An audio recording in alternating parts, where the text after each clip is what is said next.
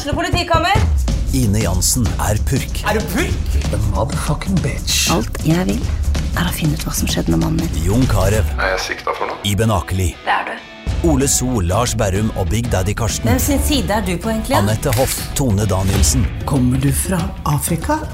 Jørnis Josef, Nesten. Kløfta. Trond Espen Seim, Det er synd å si det, men det var feil mann som døde. Purk. Premiere tirsdag på TV2 Play. Hei, og velkommen til en ny episode av Debrif med Dag Sørås.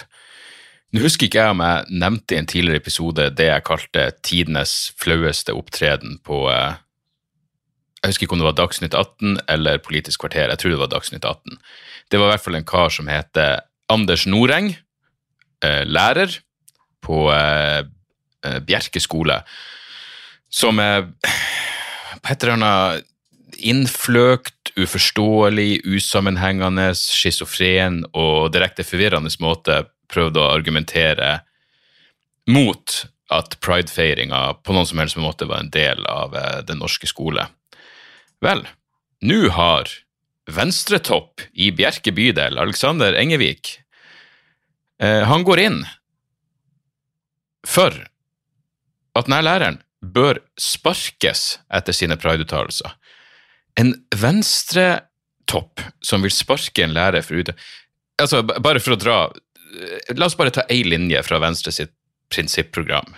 Retten til å ytre seg skal ikke begrenses, men møtes med andres ytringer, fakta, kunnskap og konkurrerende ideer. Så der, så. Og for det første, kanskje han ene godeste Anders Noreng eh, burde miste jobben. Ja, men han sier jo i en eh, NRK-artikkel som han ene venstrepolitikeren refererer til, om noen år får jeg kanskje ikke lov til å undervise fordi jeg ikke støtter pride. Vel, ifølge enkelte så burde det ikke gå noen år engang.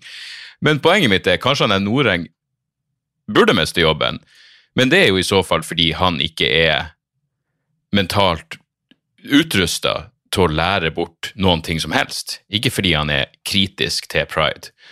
Så eh, for alle, meg inkludert, som eh, prøver å i det minste nyansere alle de ropene om kanselleringskultur, her har du et, eh, et klassisk eksempel. For her går du etter levebrødet til noen fordi du er politisk uenig med dem. Og han er venstrepolitikeren sier da at uh, elevene på Bjerke skole er utrygge. Er, eller de er ikke lenger trygge som et følge av at en lærer ved skolen har gått offentlig ut i debatten om pride og Oslo-skolens markeringer. Da er det viktig å påpeke, uten noen form for eh, sammenligning mellom hvordan det er å være en skeiv elev eh, som har en, en lærer som du kanskje tror har noen jeg vil ikke engang si eh, homofobiske tendenser, men han er i hvert fall kri- kritisk innstilt til at du skal kunne feire din legning eh, under, under eh, Han er i hvert fall eh, kritisk til at skoler skal ha noe, som, noe form for engasjement i, eh, i feiring av, av de eh, jævla legning. Med det sagt, jeg hadde masse lærere som hata meg på skolen. Det gjorde meg til et bedre menneske. Sånn er det bare. Det er ikke alle som kommer til å like det. Og vi må da nå det fuckings punktet hvor man kan tenke ja, der er en dildo, jeg gir nå egentlig faen. Så fremst læreren ikke diskriminerer. For det er noe helt annet. Om læreren diskriminerer, så bør han få fuckings sparken. Jeg kan huske, men, men det, det, det, da, da må du kunne bevise det utover at læreren din så det, er, jo masse identitetsmarkører som lærer. Vi hadde en fuckings lestatianer som lærer på videregående. Han hata at man spilte kort i friminuttene, fordi det er jo satanisk, og da sitter jo djevelen under bordet, og han var illsint for det. Men han var rettferdig med karakterene. Men jeg kan huske at eh, jeg tror faen meg det var brorsan som skrev en stil om Fremskrittspartiet. Jeg tror jeg hjalp han litt her. Eh, men han, han skrev en stil om, eh, kritisk til Fremskrittspartiet på videregående, og så fikk han en eh, bunnkarakter. Og så viste det seg at læreren var, om ikke politisk engasjert i FRP, så, nei, altså i partiet, så var han i hvert fall en Frp-er. Så brorsan klaga, og fikk kraftig forbedra karakter. Og det her er jo selvfølgelig et problem. Hvis en lærer ikke klarer å skille mellom sine personlige overbevisninger og eh, et slags objektiv tilnærming til fagkunnskapen til en elev, ja, da har du et problem. Da er du ikke egnet på jobb. Men så fremst eh, man ikke kan vise at den jævla åpenbare eh, tomsingen Anders Noreng er en diskriminerende lærer, så må han for helvete få lov til å ytre seg om skolen sitt, eh, sitt engasjement i forhold til pride. Det her er vi, ja nei, det, det, det var bare et eller annet med det der som bare traff meg rett i kukauet. Og, eh, og så fra Venstre, av alle jævla parti. Og nå understreker vel eh, Jeg tror han ene han understreker at han ikke uttaler seg Leder i Bjerke Venstre har sittet i oppvekst- og kulturkomiteen i Oslo bydel, så han er ikke en ingen. Men han uttaler seg ikke på vegne av Venstre. Ok, ok, men du er lederen i Bjerke Venstre. Jeg sier det som om det gir meg en eller annen form for Jeg vet da faen hvor, hvor stort det er. Men du sitter i hvert fall i kulturkomiteen i Oslo bydel, så en eller annen form for, eh, for makt har du åpenbart. Skammelig, skammelig, skammelig og tåpelig. Og mens vi er inne på skammelig og tåpelig, men her er jeg litt usikker, for å være helt ærlig. Fordi det er ingenting som får meg til å revurdere mitt abonnement på Klassekampen mer enn hver gang Klassekampen skriver om ruspolitikk. Fordi Klassekampen har et eller annet prinsipielt, men uforståelig reaksjonært og uredelig syn på rusreform. Og I dag så har, de en, en artikkel om, eh, om hvor vanskelig det er for politifolk hvis de da skal skille mellom eh, eh, rekreasjonelle brukere og rusavhengige. Jeg skjønner at det er vanskelig, absolutt, jeg syns det er et idiotisk skille, men eh, hvor vanskelig det er for politiet. Og da skriver Klassekampen følgende, de skriver om innstramminger i politiets muligheter til ransakelse. Innstramminger fra i fjor. Jeg er ikke helt sikker. Altså, det her har jeg ikke hatt tid til å dobbeltsjekke akkurat nå, men er det virkelig innstramminger altså, Hvis de refererer til det der brevet som eh, Riks, altså De oppklaringer som Riksadvokaten kom med i eh, det var vel april i fjor, så var det vel ikke så mye innstramminger som klargjøringer av allerede eksisterende lov. Og hvis jeg har rett i det, så er jo det eh, dypt uredelig og burde fuckings klages inn, og Klassekampen burde komme i korrigering. Hvis det kommer noen ordentlige innstramminger, hvis politiet har mista tilgang til eh, eh, hva man skal kalle det, inngripende tiltak som de ikke hadde tidligere, ja, vennligst korriger meg. Men så vidt jeg husker, så var det bare ei klargjøring av allerede eksisterende lov som politiet systematisk hadde brutt. La oss nå fuckings huske det. Og det bør da selv Klassekampen. Det er folk som har kalt det et moralsk konkursbo. Eh, og akkurat når det kommer til rusreform og ruspolitikk generelt, så er det faen meg helt på sin forbanna plass. Men abonnere gjør jeg nå fortsatt, fordi, som jeg har sagt mange ganger, når jeg leser Klassekampen og Aftenposten, så føler jeg liksom at da har jeg fått Da, da har jeg en, en, en, en, daglig innblikk i hva en, uh, hva enn uh, skravlekassen måtte, måtte forholde seg til. Og Utenom det så går man vel bare og venter på Jeg så også en, en sak i Wall Street Journal hvor jeg bare beit meg merke i følgende Se hvor jeg, jeg skriver det for faen ned. Ja, det handler liksom om den kommende økonomiske kollapsen. Economists surveyed by the Wall Street Journal have dramatically raised the probability of recession, now putting it at 44% in the next 12 months, a level usually seen only on the brink of or during actual recessions. Så det er der vi er. Det er klart, eh, økonomiske eh, kollaps og nedgangstider har jo sine fordeler. Jeg husker jeg var i New York i 2008, og en dollarkursen sto i fem. Men eh, det får selvfølgelig konsekvenser her i Norge også, og verden for øvrig. I tillegg til alle andre kriser. Fuckings mat, energi, klima, krig.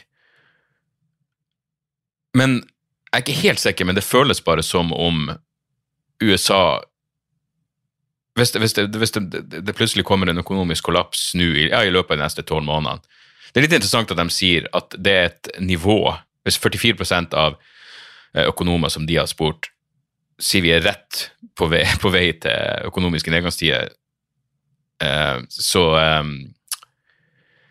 eh At 44 mener det rett før eller under eh, under en økonomisk kollaps eller resesjon. Jeg vet da faen hva, hvordan man egentlig eh, Tilbakegang, kaller man det resesjon? Er det det rette Økonomiske nedgangstider? Jeg vet da faen. Økonomisk tilbakegang, gudene vet. Men eh, hvis det bare er 44% som mener at man er i en økonomisk resesjon når man faktisk er det, så lover jo kanskje ikke det så godt for økonomiyrket. Men det er spennende. Spennende tider. Uh, utenom det, og så må jeg selvfølgelig nevne at uh, hvor skammelig det er, bare fra det er på det rene at eh, Priti Patel, eh, hva er innenriksministeren i Storbritannia, nå åpner for å eh, sende Julian Assange til uh, utleverende til USA. Og Erling Borgen skal ha massiv kudos for å på Facebook ha sammenligna behandlinga om utsendelse av en påstått kriminell eh, Sammenligninga av Julian Assange og Augusto Pinochet, diktatoren i Chile, som eh, fikk, eh, fikk veldig så fin fikk veldig så fin behandling da han var påkrevd utlevert i, i si tid. Skal vi se om jeg finner skal vi se om jeg finner det han skrev. Ja, han skriver, Erling Borgen skriver fra 1998 til 1992 var jeg NRKs korrespondent i Latin-Amerika. Jeg bodde i Chile akkurat mens Pinochet måtte gi fra seg makta etter 18 år. Pinochets regime tok livet av minst 4000 mennesker. Og så i 1998 kom den avgåtte diktatoren til London for å få en ryggoperasjon. Da forlangte en spansk domstol at Pinochet måtte utleveres til Spania, der noen av hans ofre befant seg. Pinochet ble ikke som Assange puttet i et høyrisikofengsel. Han fikk bo i en villa i Surrey med en golfbane som nærmeste nabo. Diktatoren ble heller aldri utlevert, men sendt tilbake til Chile etter 503 dager. Storbritannias utenriksminister Jack Straw tok avgjørelsen pga. Pinochets dårlige helse. Så smak på den. Eh, og da trenger du ikke engang å å forholde deg til den skrikende ironien i at Julian Assange til helse ikke akkurat er tipp topp, for å si det meget så jævla mildt. Så verden går nå sin jævla gang. Uh, utover det, jeg hadde ei uh, Forrige uke var innholdsrik, og derfor er podkasten nok en gang kommer den ut på en mandag i stedet for en fredag. Og ja, Sånn er det bare. Jeg gidder ikke å komme med unnskyldninger her, for jeg hadde fullt fuckings program. På Tirsdag så var jeg med på Humor over Oslo oppe på Grefsenkollen. Og det var jævlig gøy. Eh, jeg måtte si til noen etterpå at jeg tror det her var den beste festen siden før pandemien. For helvete, for et liv. Jeg var jo med på et show klokka seks på ettermiddagen. Så jeg var på ei TV-innspilling, og så var det bare rett opp på Rett opp i Grefsenkollen, og uh, nydelig utsikt og bra folk. Og jeg sto på et show med blant annet Hvem var det? Hans Magne, Malene eh, Martin Lepperød ja, Det var en hel gjeng. Bergland. Eh, og det var, det var, jævlig gøy. Våre show begynte jo veldig tidlig, som sagt klokka seks. Så de aller fleste satt jo 100 meter unna scenen, og det var en svær jævla Svær, svær, svær, svær. Svær scene. Svær. Oh, det neste blir at jeg sier skjøtt. Det var ei svær jævla scene. Uh, men det funka. Jeg ble, liksom uh, Jeg tror jeg var på ja, det hadde vært ganske mange på før meg, så jeg hadde blitt vant til å liksom eh, jeg, allerede, jeg, var allerede innstilt på at man hører ikke så mye av, eh, av responsen. Og alle sto bare i ti minutter. I tillegg var det sånn nedtellingsklokke. Jeg mener, Ingenting gjør ting mer utrivelig enn ei klokke som teller nedover. Hvis det er ei klokke som teller nedover, så har det ingenting å si hva den teller ned til. Om den så teller ned til en fucking sugejobb, så blir du litt ekstra anspent når det bare er 30 sekunder igjen. Um, men jeg tror faen meg jeg sto nesten på sekundet ti minutter. Så, eh, så, det var greit. Men showet var jo whatever. Ferdig med det.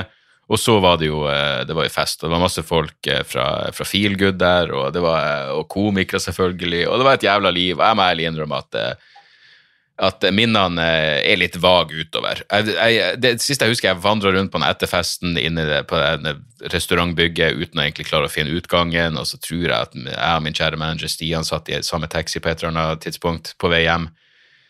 Uh, men i hvert fall. Heidundrende jævla fest var det, og sykt gøy, og så jævla festivalstemning. Og nå har jeg sett både Freddy Kalas og uh, hvem faen Staysman. Nå har jeg skal jeg tatt bilder når en, av dem var på, fordi Else Kåss Furuseth, hennes show var ja, det var en potpurri av fuckings uh, ting som egentlig ikke er etter min smak, inkludert av Staysman og Freddy Kalas. Jeg tok og filma og bare sendte til Egon Holstad, for jeg, jeg tipper han er like stor fan av dem som meg. Men poenget var at det var så jævla Da var det, da var det senere på kvelden, og det var stappfullt foran scenen, og det var, det var, festivalstemning, og det var så jævla pandemien er over. Eh, jeg leste forresten akkurat at hvis, hvis du har vondt i halsen, så kan det tyde på at du muligens har den nye omikron-varianten. Og Folkehelseinstituttet ser ikke for seg noe annet enn å anbefale en fjerde dose til utsatte grupper. Så hva sier det til de her helvetes fuckings eh, konspirasjonsnautene som mener at det her bare er et ledd i eh, en prosess for å gjøre oss alle til globale slaver og bla, bla, bla. Hvorfor anbefaler de bare en fjerde dose til de utsatte grupper? Er det kun de utsatte gruppene de har lyst til å drepe? Fordi bare gjelder litt tid så er de døde. Det gjelder for så vidt alle, inkludert vaksinemotstanderne, heldigvis. Men, men uansett, det var festivalstemning, og det var noe inn i helvete så, eh, så jævla gøy. Stor, storkosa meg. Så var det jo også litt morsomt at uh, Marlene Stavrum la ut på uh, Instagram det som virka for meg i hvert fall som en åpenbar køddmelding om at vi var et nytt par. For hun eh, hadde bursdag den dagen. Jeg husker ikke nøyaktig hva hun skrev, men etter at nå er jeg 28 og nærmer meg alderen til kjæresten min, og bla, bla, bla. Og så har hun visst fått en masse folk som har gratulert om at vi er det nye paret, og jeg fikk det også. For først da jeg skjønte alvoret. Bare, jeg, jeg trodde det her var en åpenbar fuckings kødd. Men uh, bare ha det på det rene, så er jeg um, til ingen forkleinelse for Malene, men, uh, men, jeg har ikke noen planer om å skifte, å skifte beite. Det føler jeg ikke noe, noe behov for. Så, uh, så, der så. Dagen etterpå så var du av gårde til Tromsø. Meget, meget laber form var jeg i. Og hadde et ganske seint fly som i tillegg var litt uh, forsinka. Når jeg kom på flyplassen, så når du, når du kommer opp den siste rulletrappa opp til avgangshallen der, så begynte køa til fast-tracken rett ved trappa. Og da, Jeg gidder ikke engang å forholde meg til den køa som vanlige mennesker uten gullkort måtte stå i. Men, uh, men jeg bare med en gang var sånn og Jeg kommer ikke til å rekke det flyet. Ikke faen, Jeg kommer aldri til å gå. Hvordan i faen skal jeg Jeg, jeg var ikke ute i, i, dårlig tid. Det var på det tidspunktet jeg vet da faen, 50 minutter flyet skulle gå. Men uh, men jeg ble litt sånn stressa, fordi hvis jeg ikke rakk det her flyet, og jeg begynner å sjekke andre fly, og det var ingen måte å rekke showet på hvis, hvis jeg mista det her flyet. Men det gikk merkverdig fort. Jeg vet ikke om de er mer Er vekterne som, som, står, som jobber på fast track-delen av sikkerhetskontrollen, er de mer effektive? Jeg vet da faen. Får de bedre betalt i så fall? Fordi eh, det gikk i hvert fall jævlig fort. Og jeg kom meg av gårde. Uh, sjekka inn på Smarthotellet i Tromsø, var der jeg var blitt plassert. Uten at jeg helt vet hva som var så jævla smart med hotellet. Jeg må ærlig innrømme at jeg så for meg at her er det ingen resepsjon, her foregår alt elektronisk. Men uh, det virka bare som et helt vanlig hotell. Jeg vet, jeg vet, ikke hva som var smart med det, utenom at det, det, rommet var som ei Jeg mener, jeg har aldri vært Jeg tror aldri jeg har vært på et hotell før hvor rommet føltes så som ei fengselscelle. Og det var ikke engang kjipt. I norsk fengselscelle. Det var liksom bare så jævla det var så lite, men akkurat liksom satt opp sånn at ja, du kan ligge, og du kan sitte, og det er en liten TV, og det er et bad. Uh, uansett, showet var på eh, Prelaten, og det var, eh, det var en fin gjeng med komikere som jeg var med resten av uka, faktisk. Vi gjorde Tromsø, Bodø, Fauske. Men jeg var fucking sliten. Jeg var så inn i helvete, så jeg, jeg, jeg tok det rolig den, den kvelden. Meget uh, så jævla rolig. Men Prelaten er en helt nydelig scene.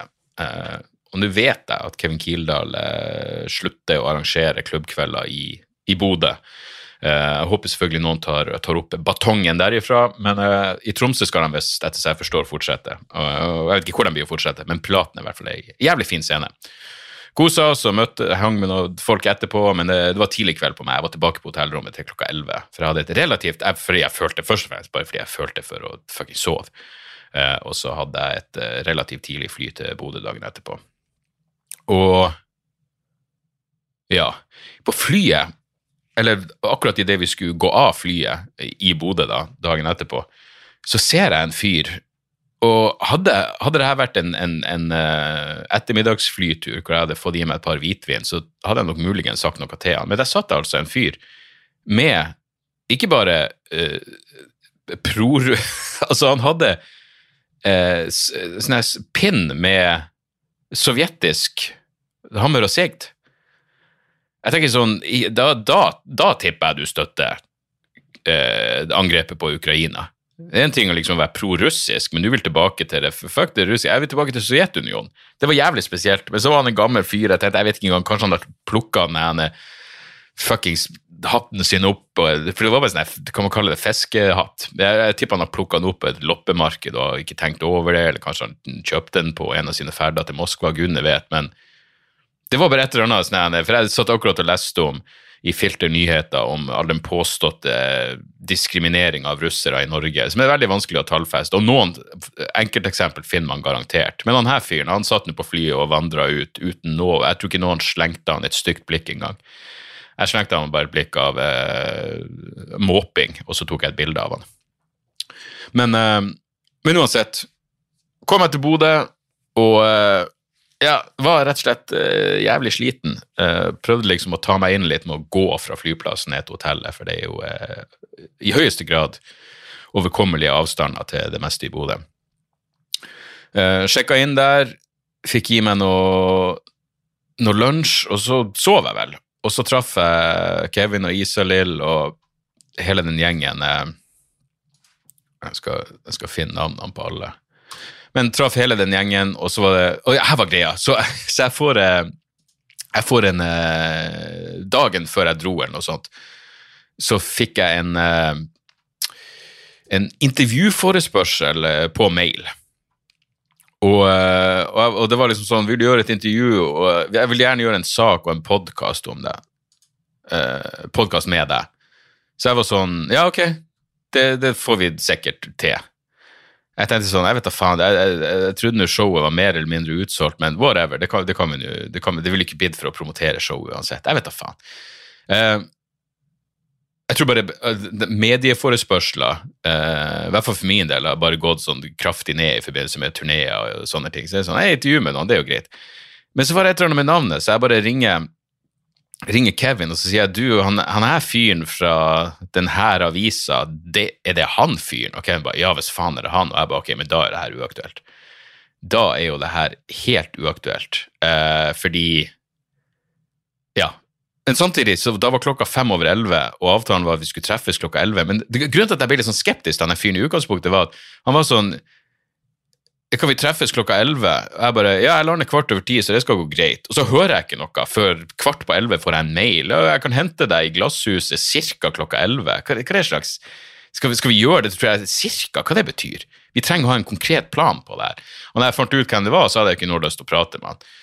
Uh, så jeg bare sendte en melding og sa hei, jeg, må, jeg, jeg, har en firmajobb på Saltstraumen. Jeg gidder ikke å begynne å forklare ting. Uh, som var løgn. Selvfølgelig. Det, det benekter jeg på ingen måte. Det var ren løgn, men uh, det var det jeg klarte der og da, for jeg gidda ikke å ta konfrontasjon med hvorfor jeg egentlig ikke ville snakke med han. Um, så uansett, så får jeg treffe de andre komikerne. Det var Isalill, det var Andreas Bach fra uh, Fyllingsdalen, jævlig morsom. Han og dama var der, supertrivelig. Så var det Pål Roaldsen, Jeanette Aslaksen og uh, ja, jeg tror det var uh, det hele. Det var en, en som heter Fredrik, som sto også i Tromsø. Shout-out til Fredrik. Men, men, i hvert fall, så, så, vi treffes for å spise lunsj, eller flytende lunsj i mitt tilfelle, og Kevin dukker opp. Så, så, og Kevin dukka opp, så er det jo ikke sånn en det, det, er jo sjelden en festbrems. Så vi sitter nå der og, og bøtter nedpå og koser oss, det sol og det er god stemning. Og da sier bare Kevin sånn, så, så hva det endte opp med, hva du sa til han her journalisten?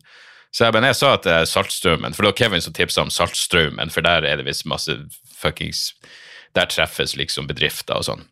Fordi jeg skrev bare 'sorry, jeg er en firmajobb på Saltstraumen, jeg glemte det', bla, bla. Så sitter vi der og drikker, og da sier han bare nei, for han journalisten sitter rett der inne. Han sitter rett innenfor vinduet og ser, og ser oss. Uh, så jeg tenkte ja, men nå er jo klokka fire, så det kan hende at jeg er tilbake fra den jobben. Uh, nå skal det også sies at grunnen til at jeg ikke ville gjøre det intervjuet, var at jeg fant ut at det her var en fyr som Ja, det er en lang historie, og den er innfløkt, men han har visstnok en podkast. En podkast hvor de en gang prata Han og en annen fyr eh, prata om, eh, om Kevin. Hvor de liksom skulle kritisere Kevin. Og det, det er det verste jeg har hørt noen gang, tror jeg. Det var bare sånn, man må, Gudene skal vite at jeg er åpen for at man kan kritisere hvem man vil, inkludert venner av meg men det var altså bare så jævlig dårlig. Og langtekkelig. Det var den samme vitsen om og om igjen. Jeg sier ikke at kreft er morsomt, men det er morsommere enn Kevin.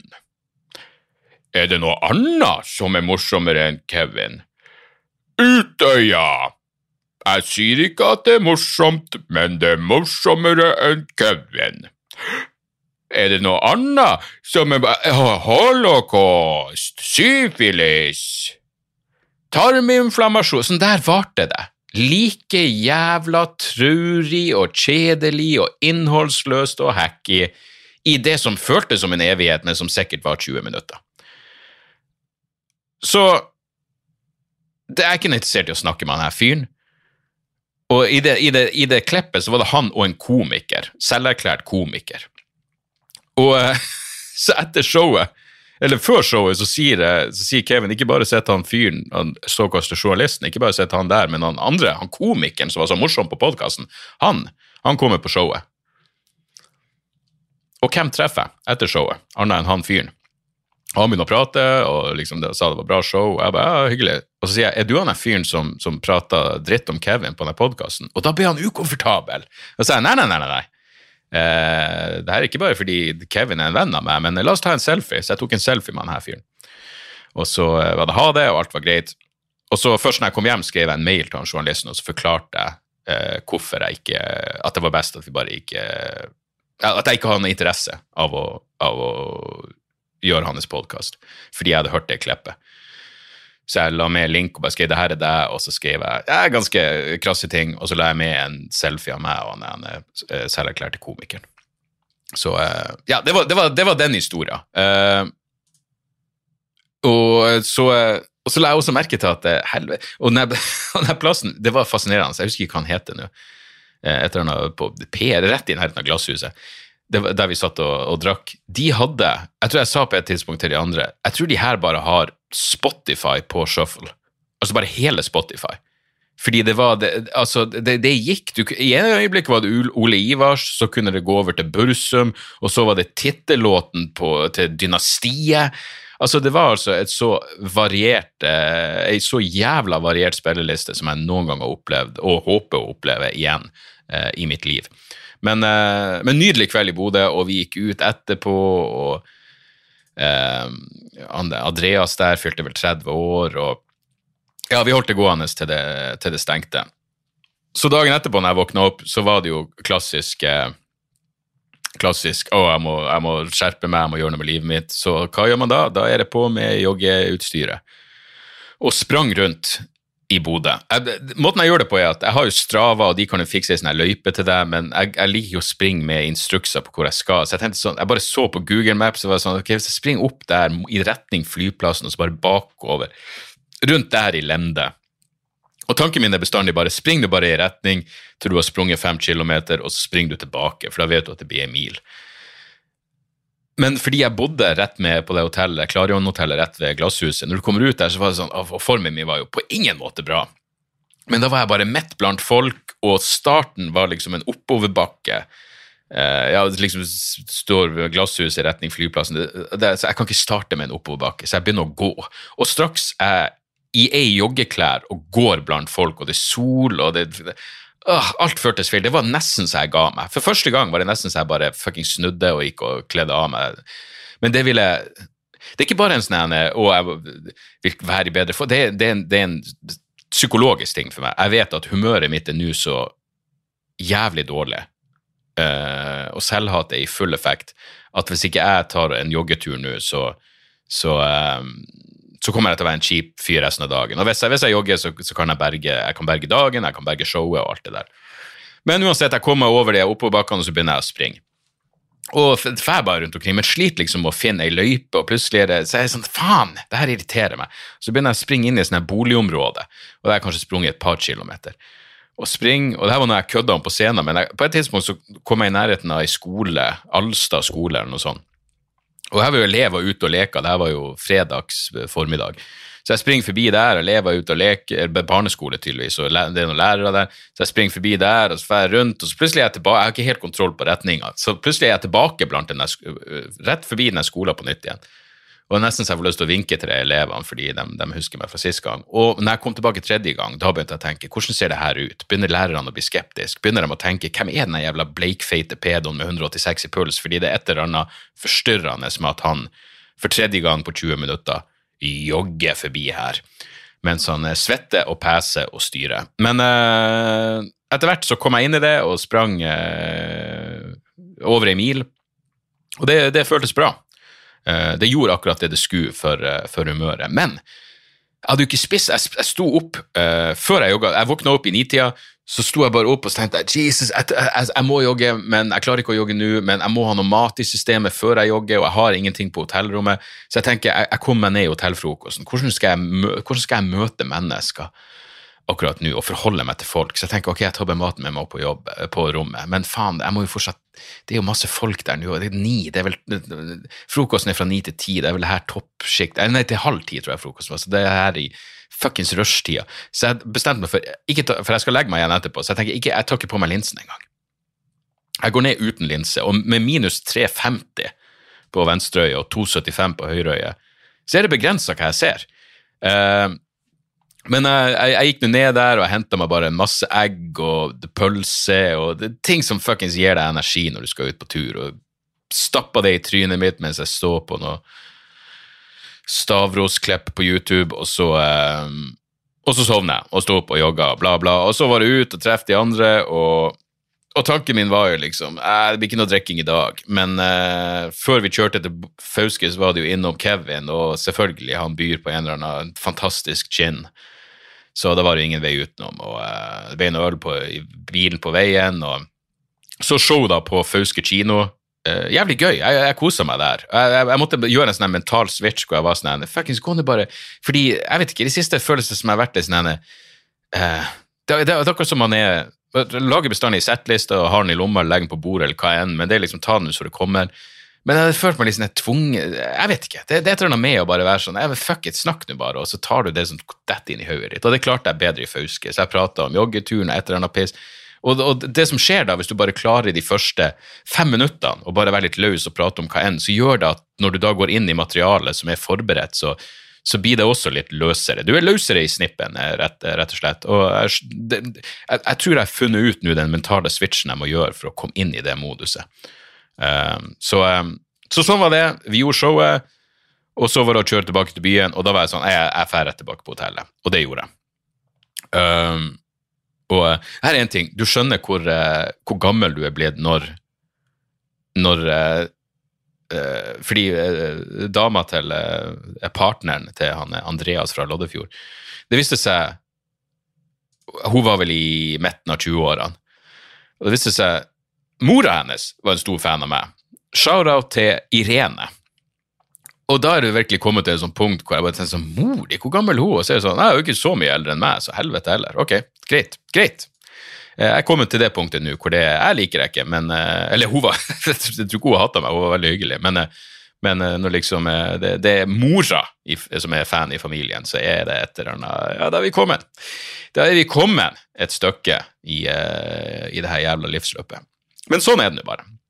Og så var jeg, eh, Grunnen til at jeg da Hovedårsaken til at jeg ville ta det så rolig, var at jeg hadde et fuckings fly klokka syv på morgenen. Og det vet du, når jeg skal fly syv på morgenen, så betyr det at jeg må opp klokka fem. Jeg grua meg hele dagen før til akkurat det her. Men fordi jeg klarte å ta det rolig på eh, på fredag og i tillegg jogga, så var det et eller annet Jeg vet da faen, jeg sov jo bare en, tre timer og våkna jo hvert kvarter. For hvis jeg har klokka på ringing fem, så er det sånn jeg klarer ikke å sove. Jeg, jeg, jeg sånn, det er ok, Selv om jeg har sagt både, både klokka, altså selve klokka på håndleddet mitt og mobilen på ringing, men det, det føles fortsatt ikke trygt eh, hvis jeg sovner tungt. Men jeg kom meg opp klokka fem, og formen var helt fin. Eh, dro ut på flyplassen, eh, leste bok hele flyturen. Jeg, vet, jeg vet da faen, Sist gang jeg tok fly klokka syv på morgenen og var så oppegående at jeg ikke bare lå avsvimt på seg i setet mitt. Jeg leste bok hele, hele veien. Eh, kom meg hjem, merka først at jeg var begynte å bli trøtt når jeg kom hjem, og fikk et par timer på øyet før jeg skulle dra til, til Mysen og være med, for der hadde de en sånn eh, På Mysen hadde de en eh, en standup-festival. og eh, det er jo en ja, hva er det, en times togtur unna Oslo. Og Mysen er litt av en plass. Jeg tror jeg snakka om det bare helt i starten av showet. Vet du, jeg satt på, jeg på toget opp hit, og så tenkte jeg jeg skulle sjekke lokalavisa deres. For å se om det har skjedd noe spennende i det siste. Dette er fire av de seks øverste sakene på Smålendet. Mannen fikk ikke mer alkohol, slo til ansatt på utested. Voldtekt i Mysen, du trenger politiet tips. Skar ned prideflagget i Mysen. Feigt. Og min favoritt frakta til sykehus etter at kollegaer, flertall, slo med spade. Og her er det uvisst om det var om de hadde flere spader. Hadde de med hver sin spade, eller slo alle med én spade? Det er da jævlig mye vold på å være en plass med 6000 innbyggere. Nå er ikke jeg noe mattegeni, men jeg regner ut at rundt 10% av dere må være voldelige psykopater. Sånn er det bare. Så det er hyggelig å være her. Det er det jeg prøver å si.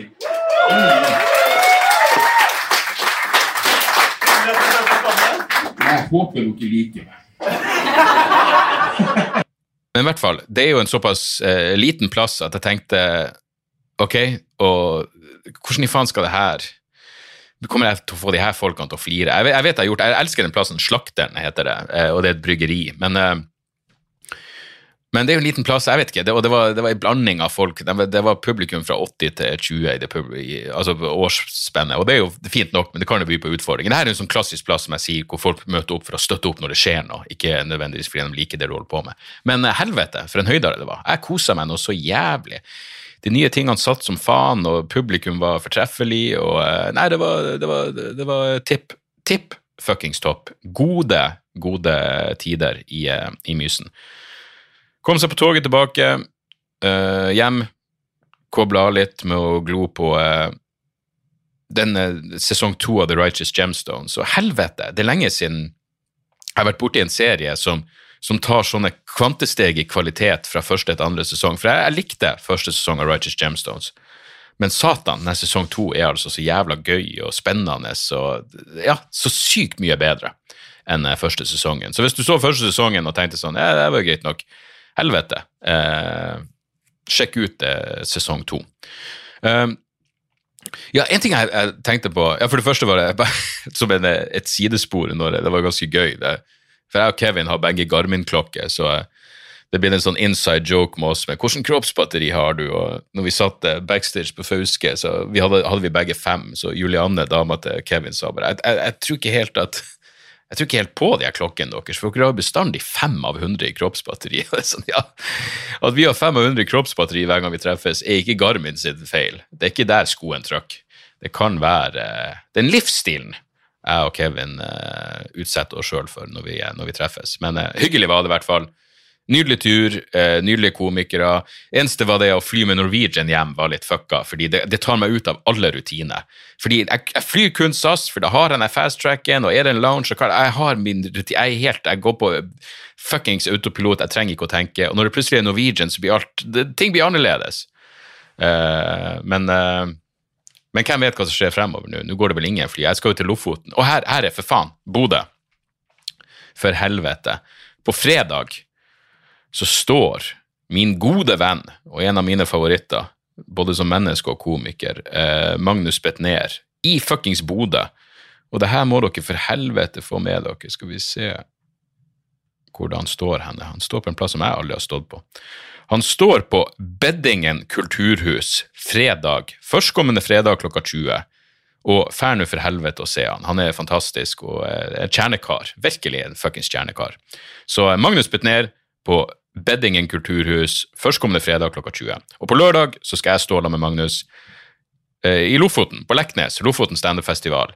Forhåpentligvis, fordi nå, med fuckings eh, flykaos i alle sine former, med flyteknikere, allerede for lite folk på flyplassene, og ditt og datt og fandens jævla forpulte oldemor Hvem vet hva som skjer? Men jeg håper vi alle kommer oss til Leknes, og eh, at vi får, uh, får gjort showene der, for det pleier å være en heidundrende jævla fest og uh, inspirerende, ikke minst. Jeg trenger noe Jeg merker det nå, jeg trenger, noe, jeg trenger litt eh, ro i hodet mitt.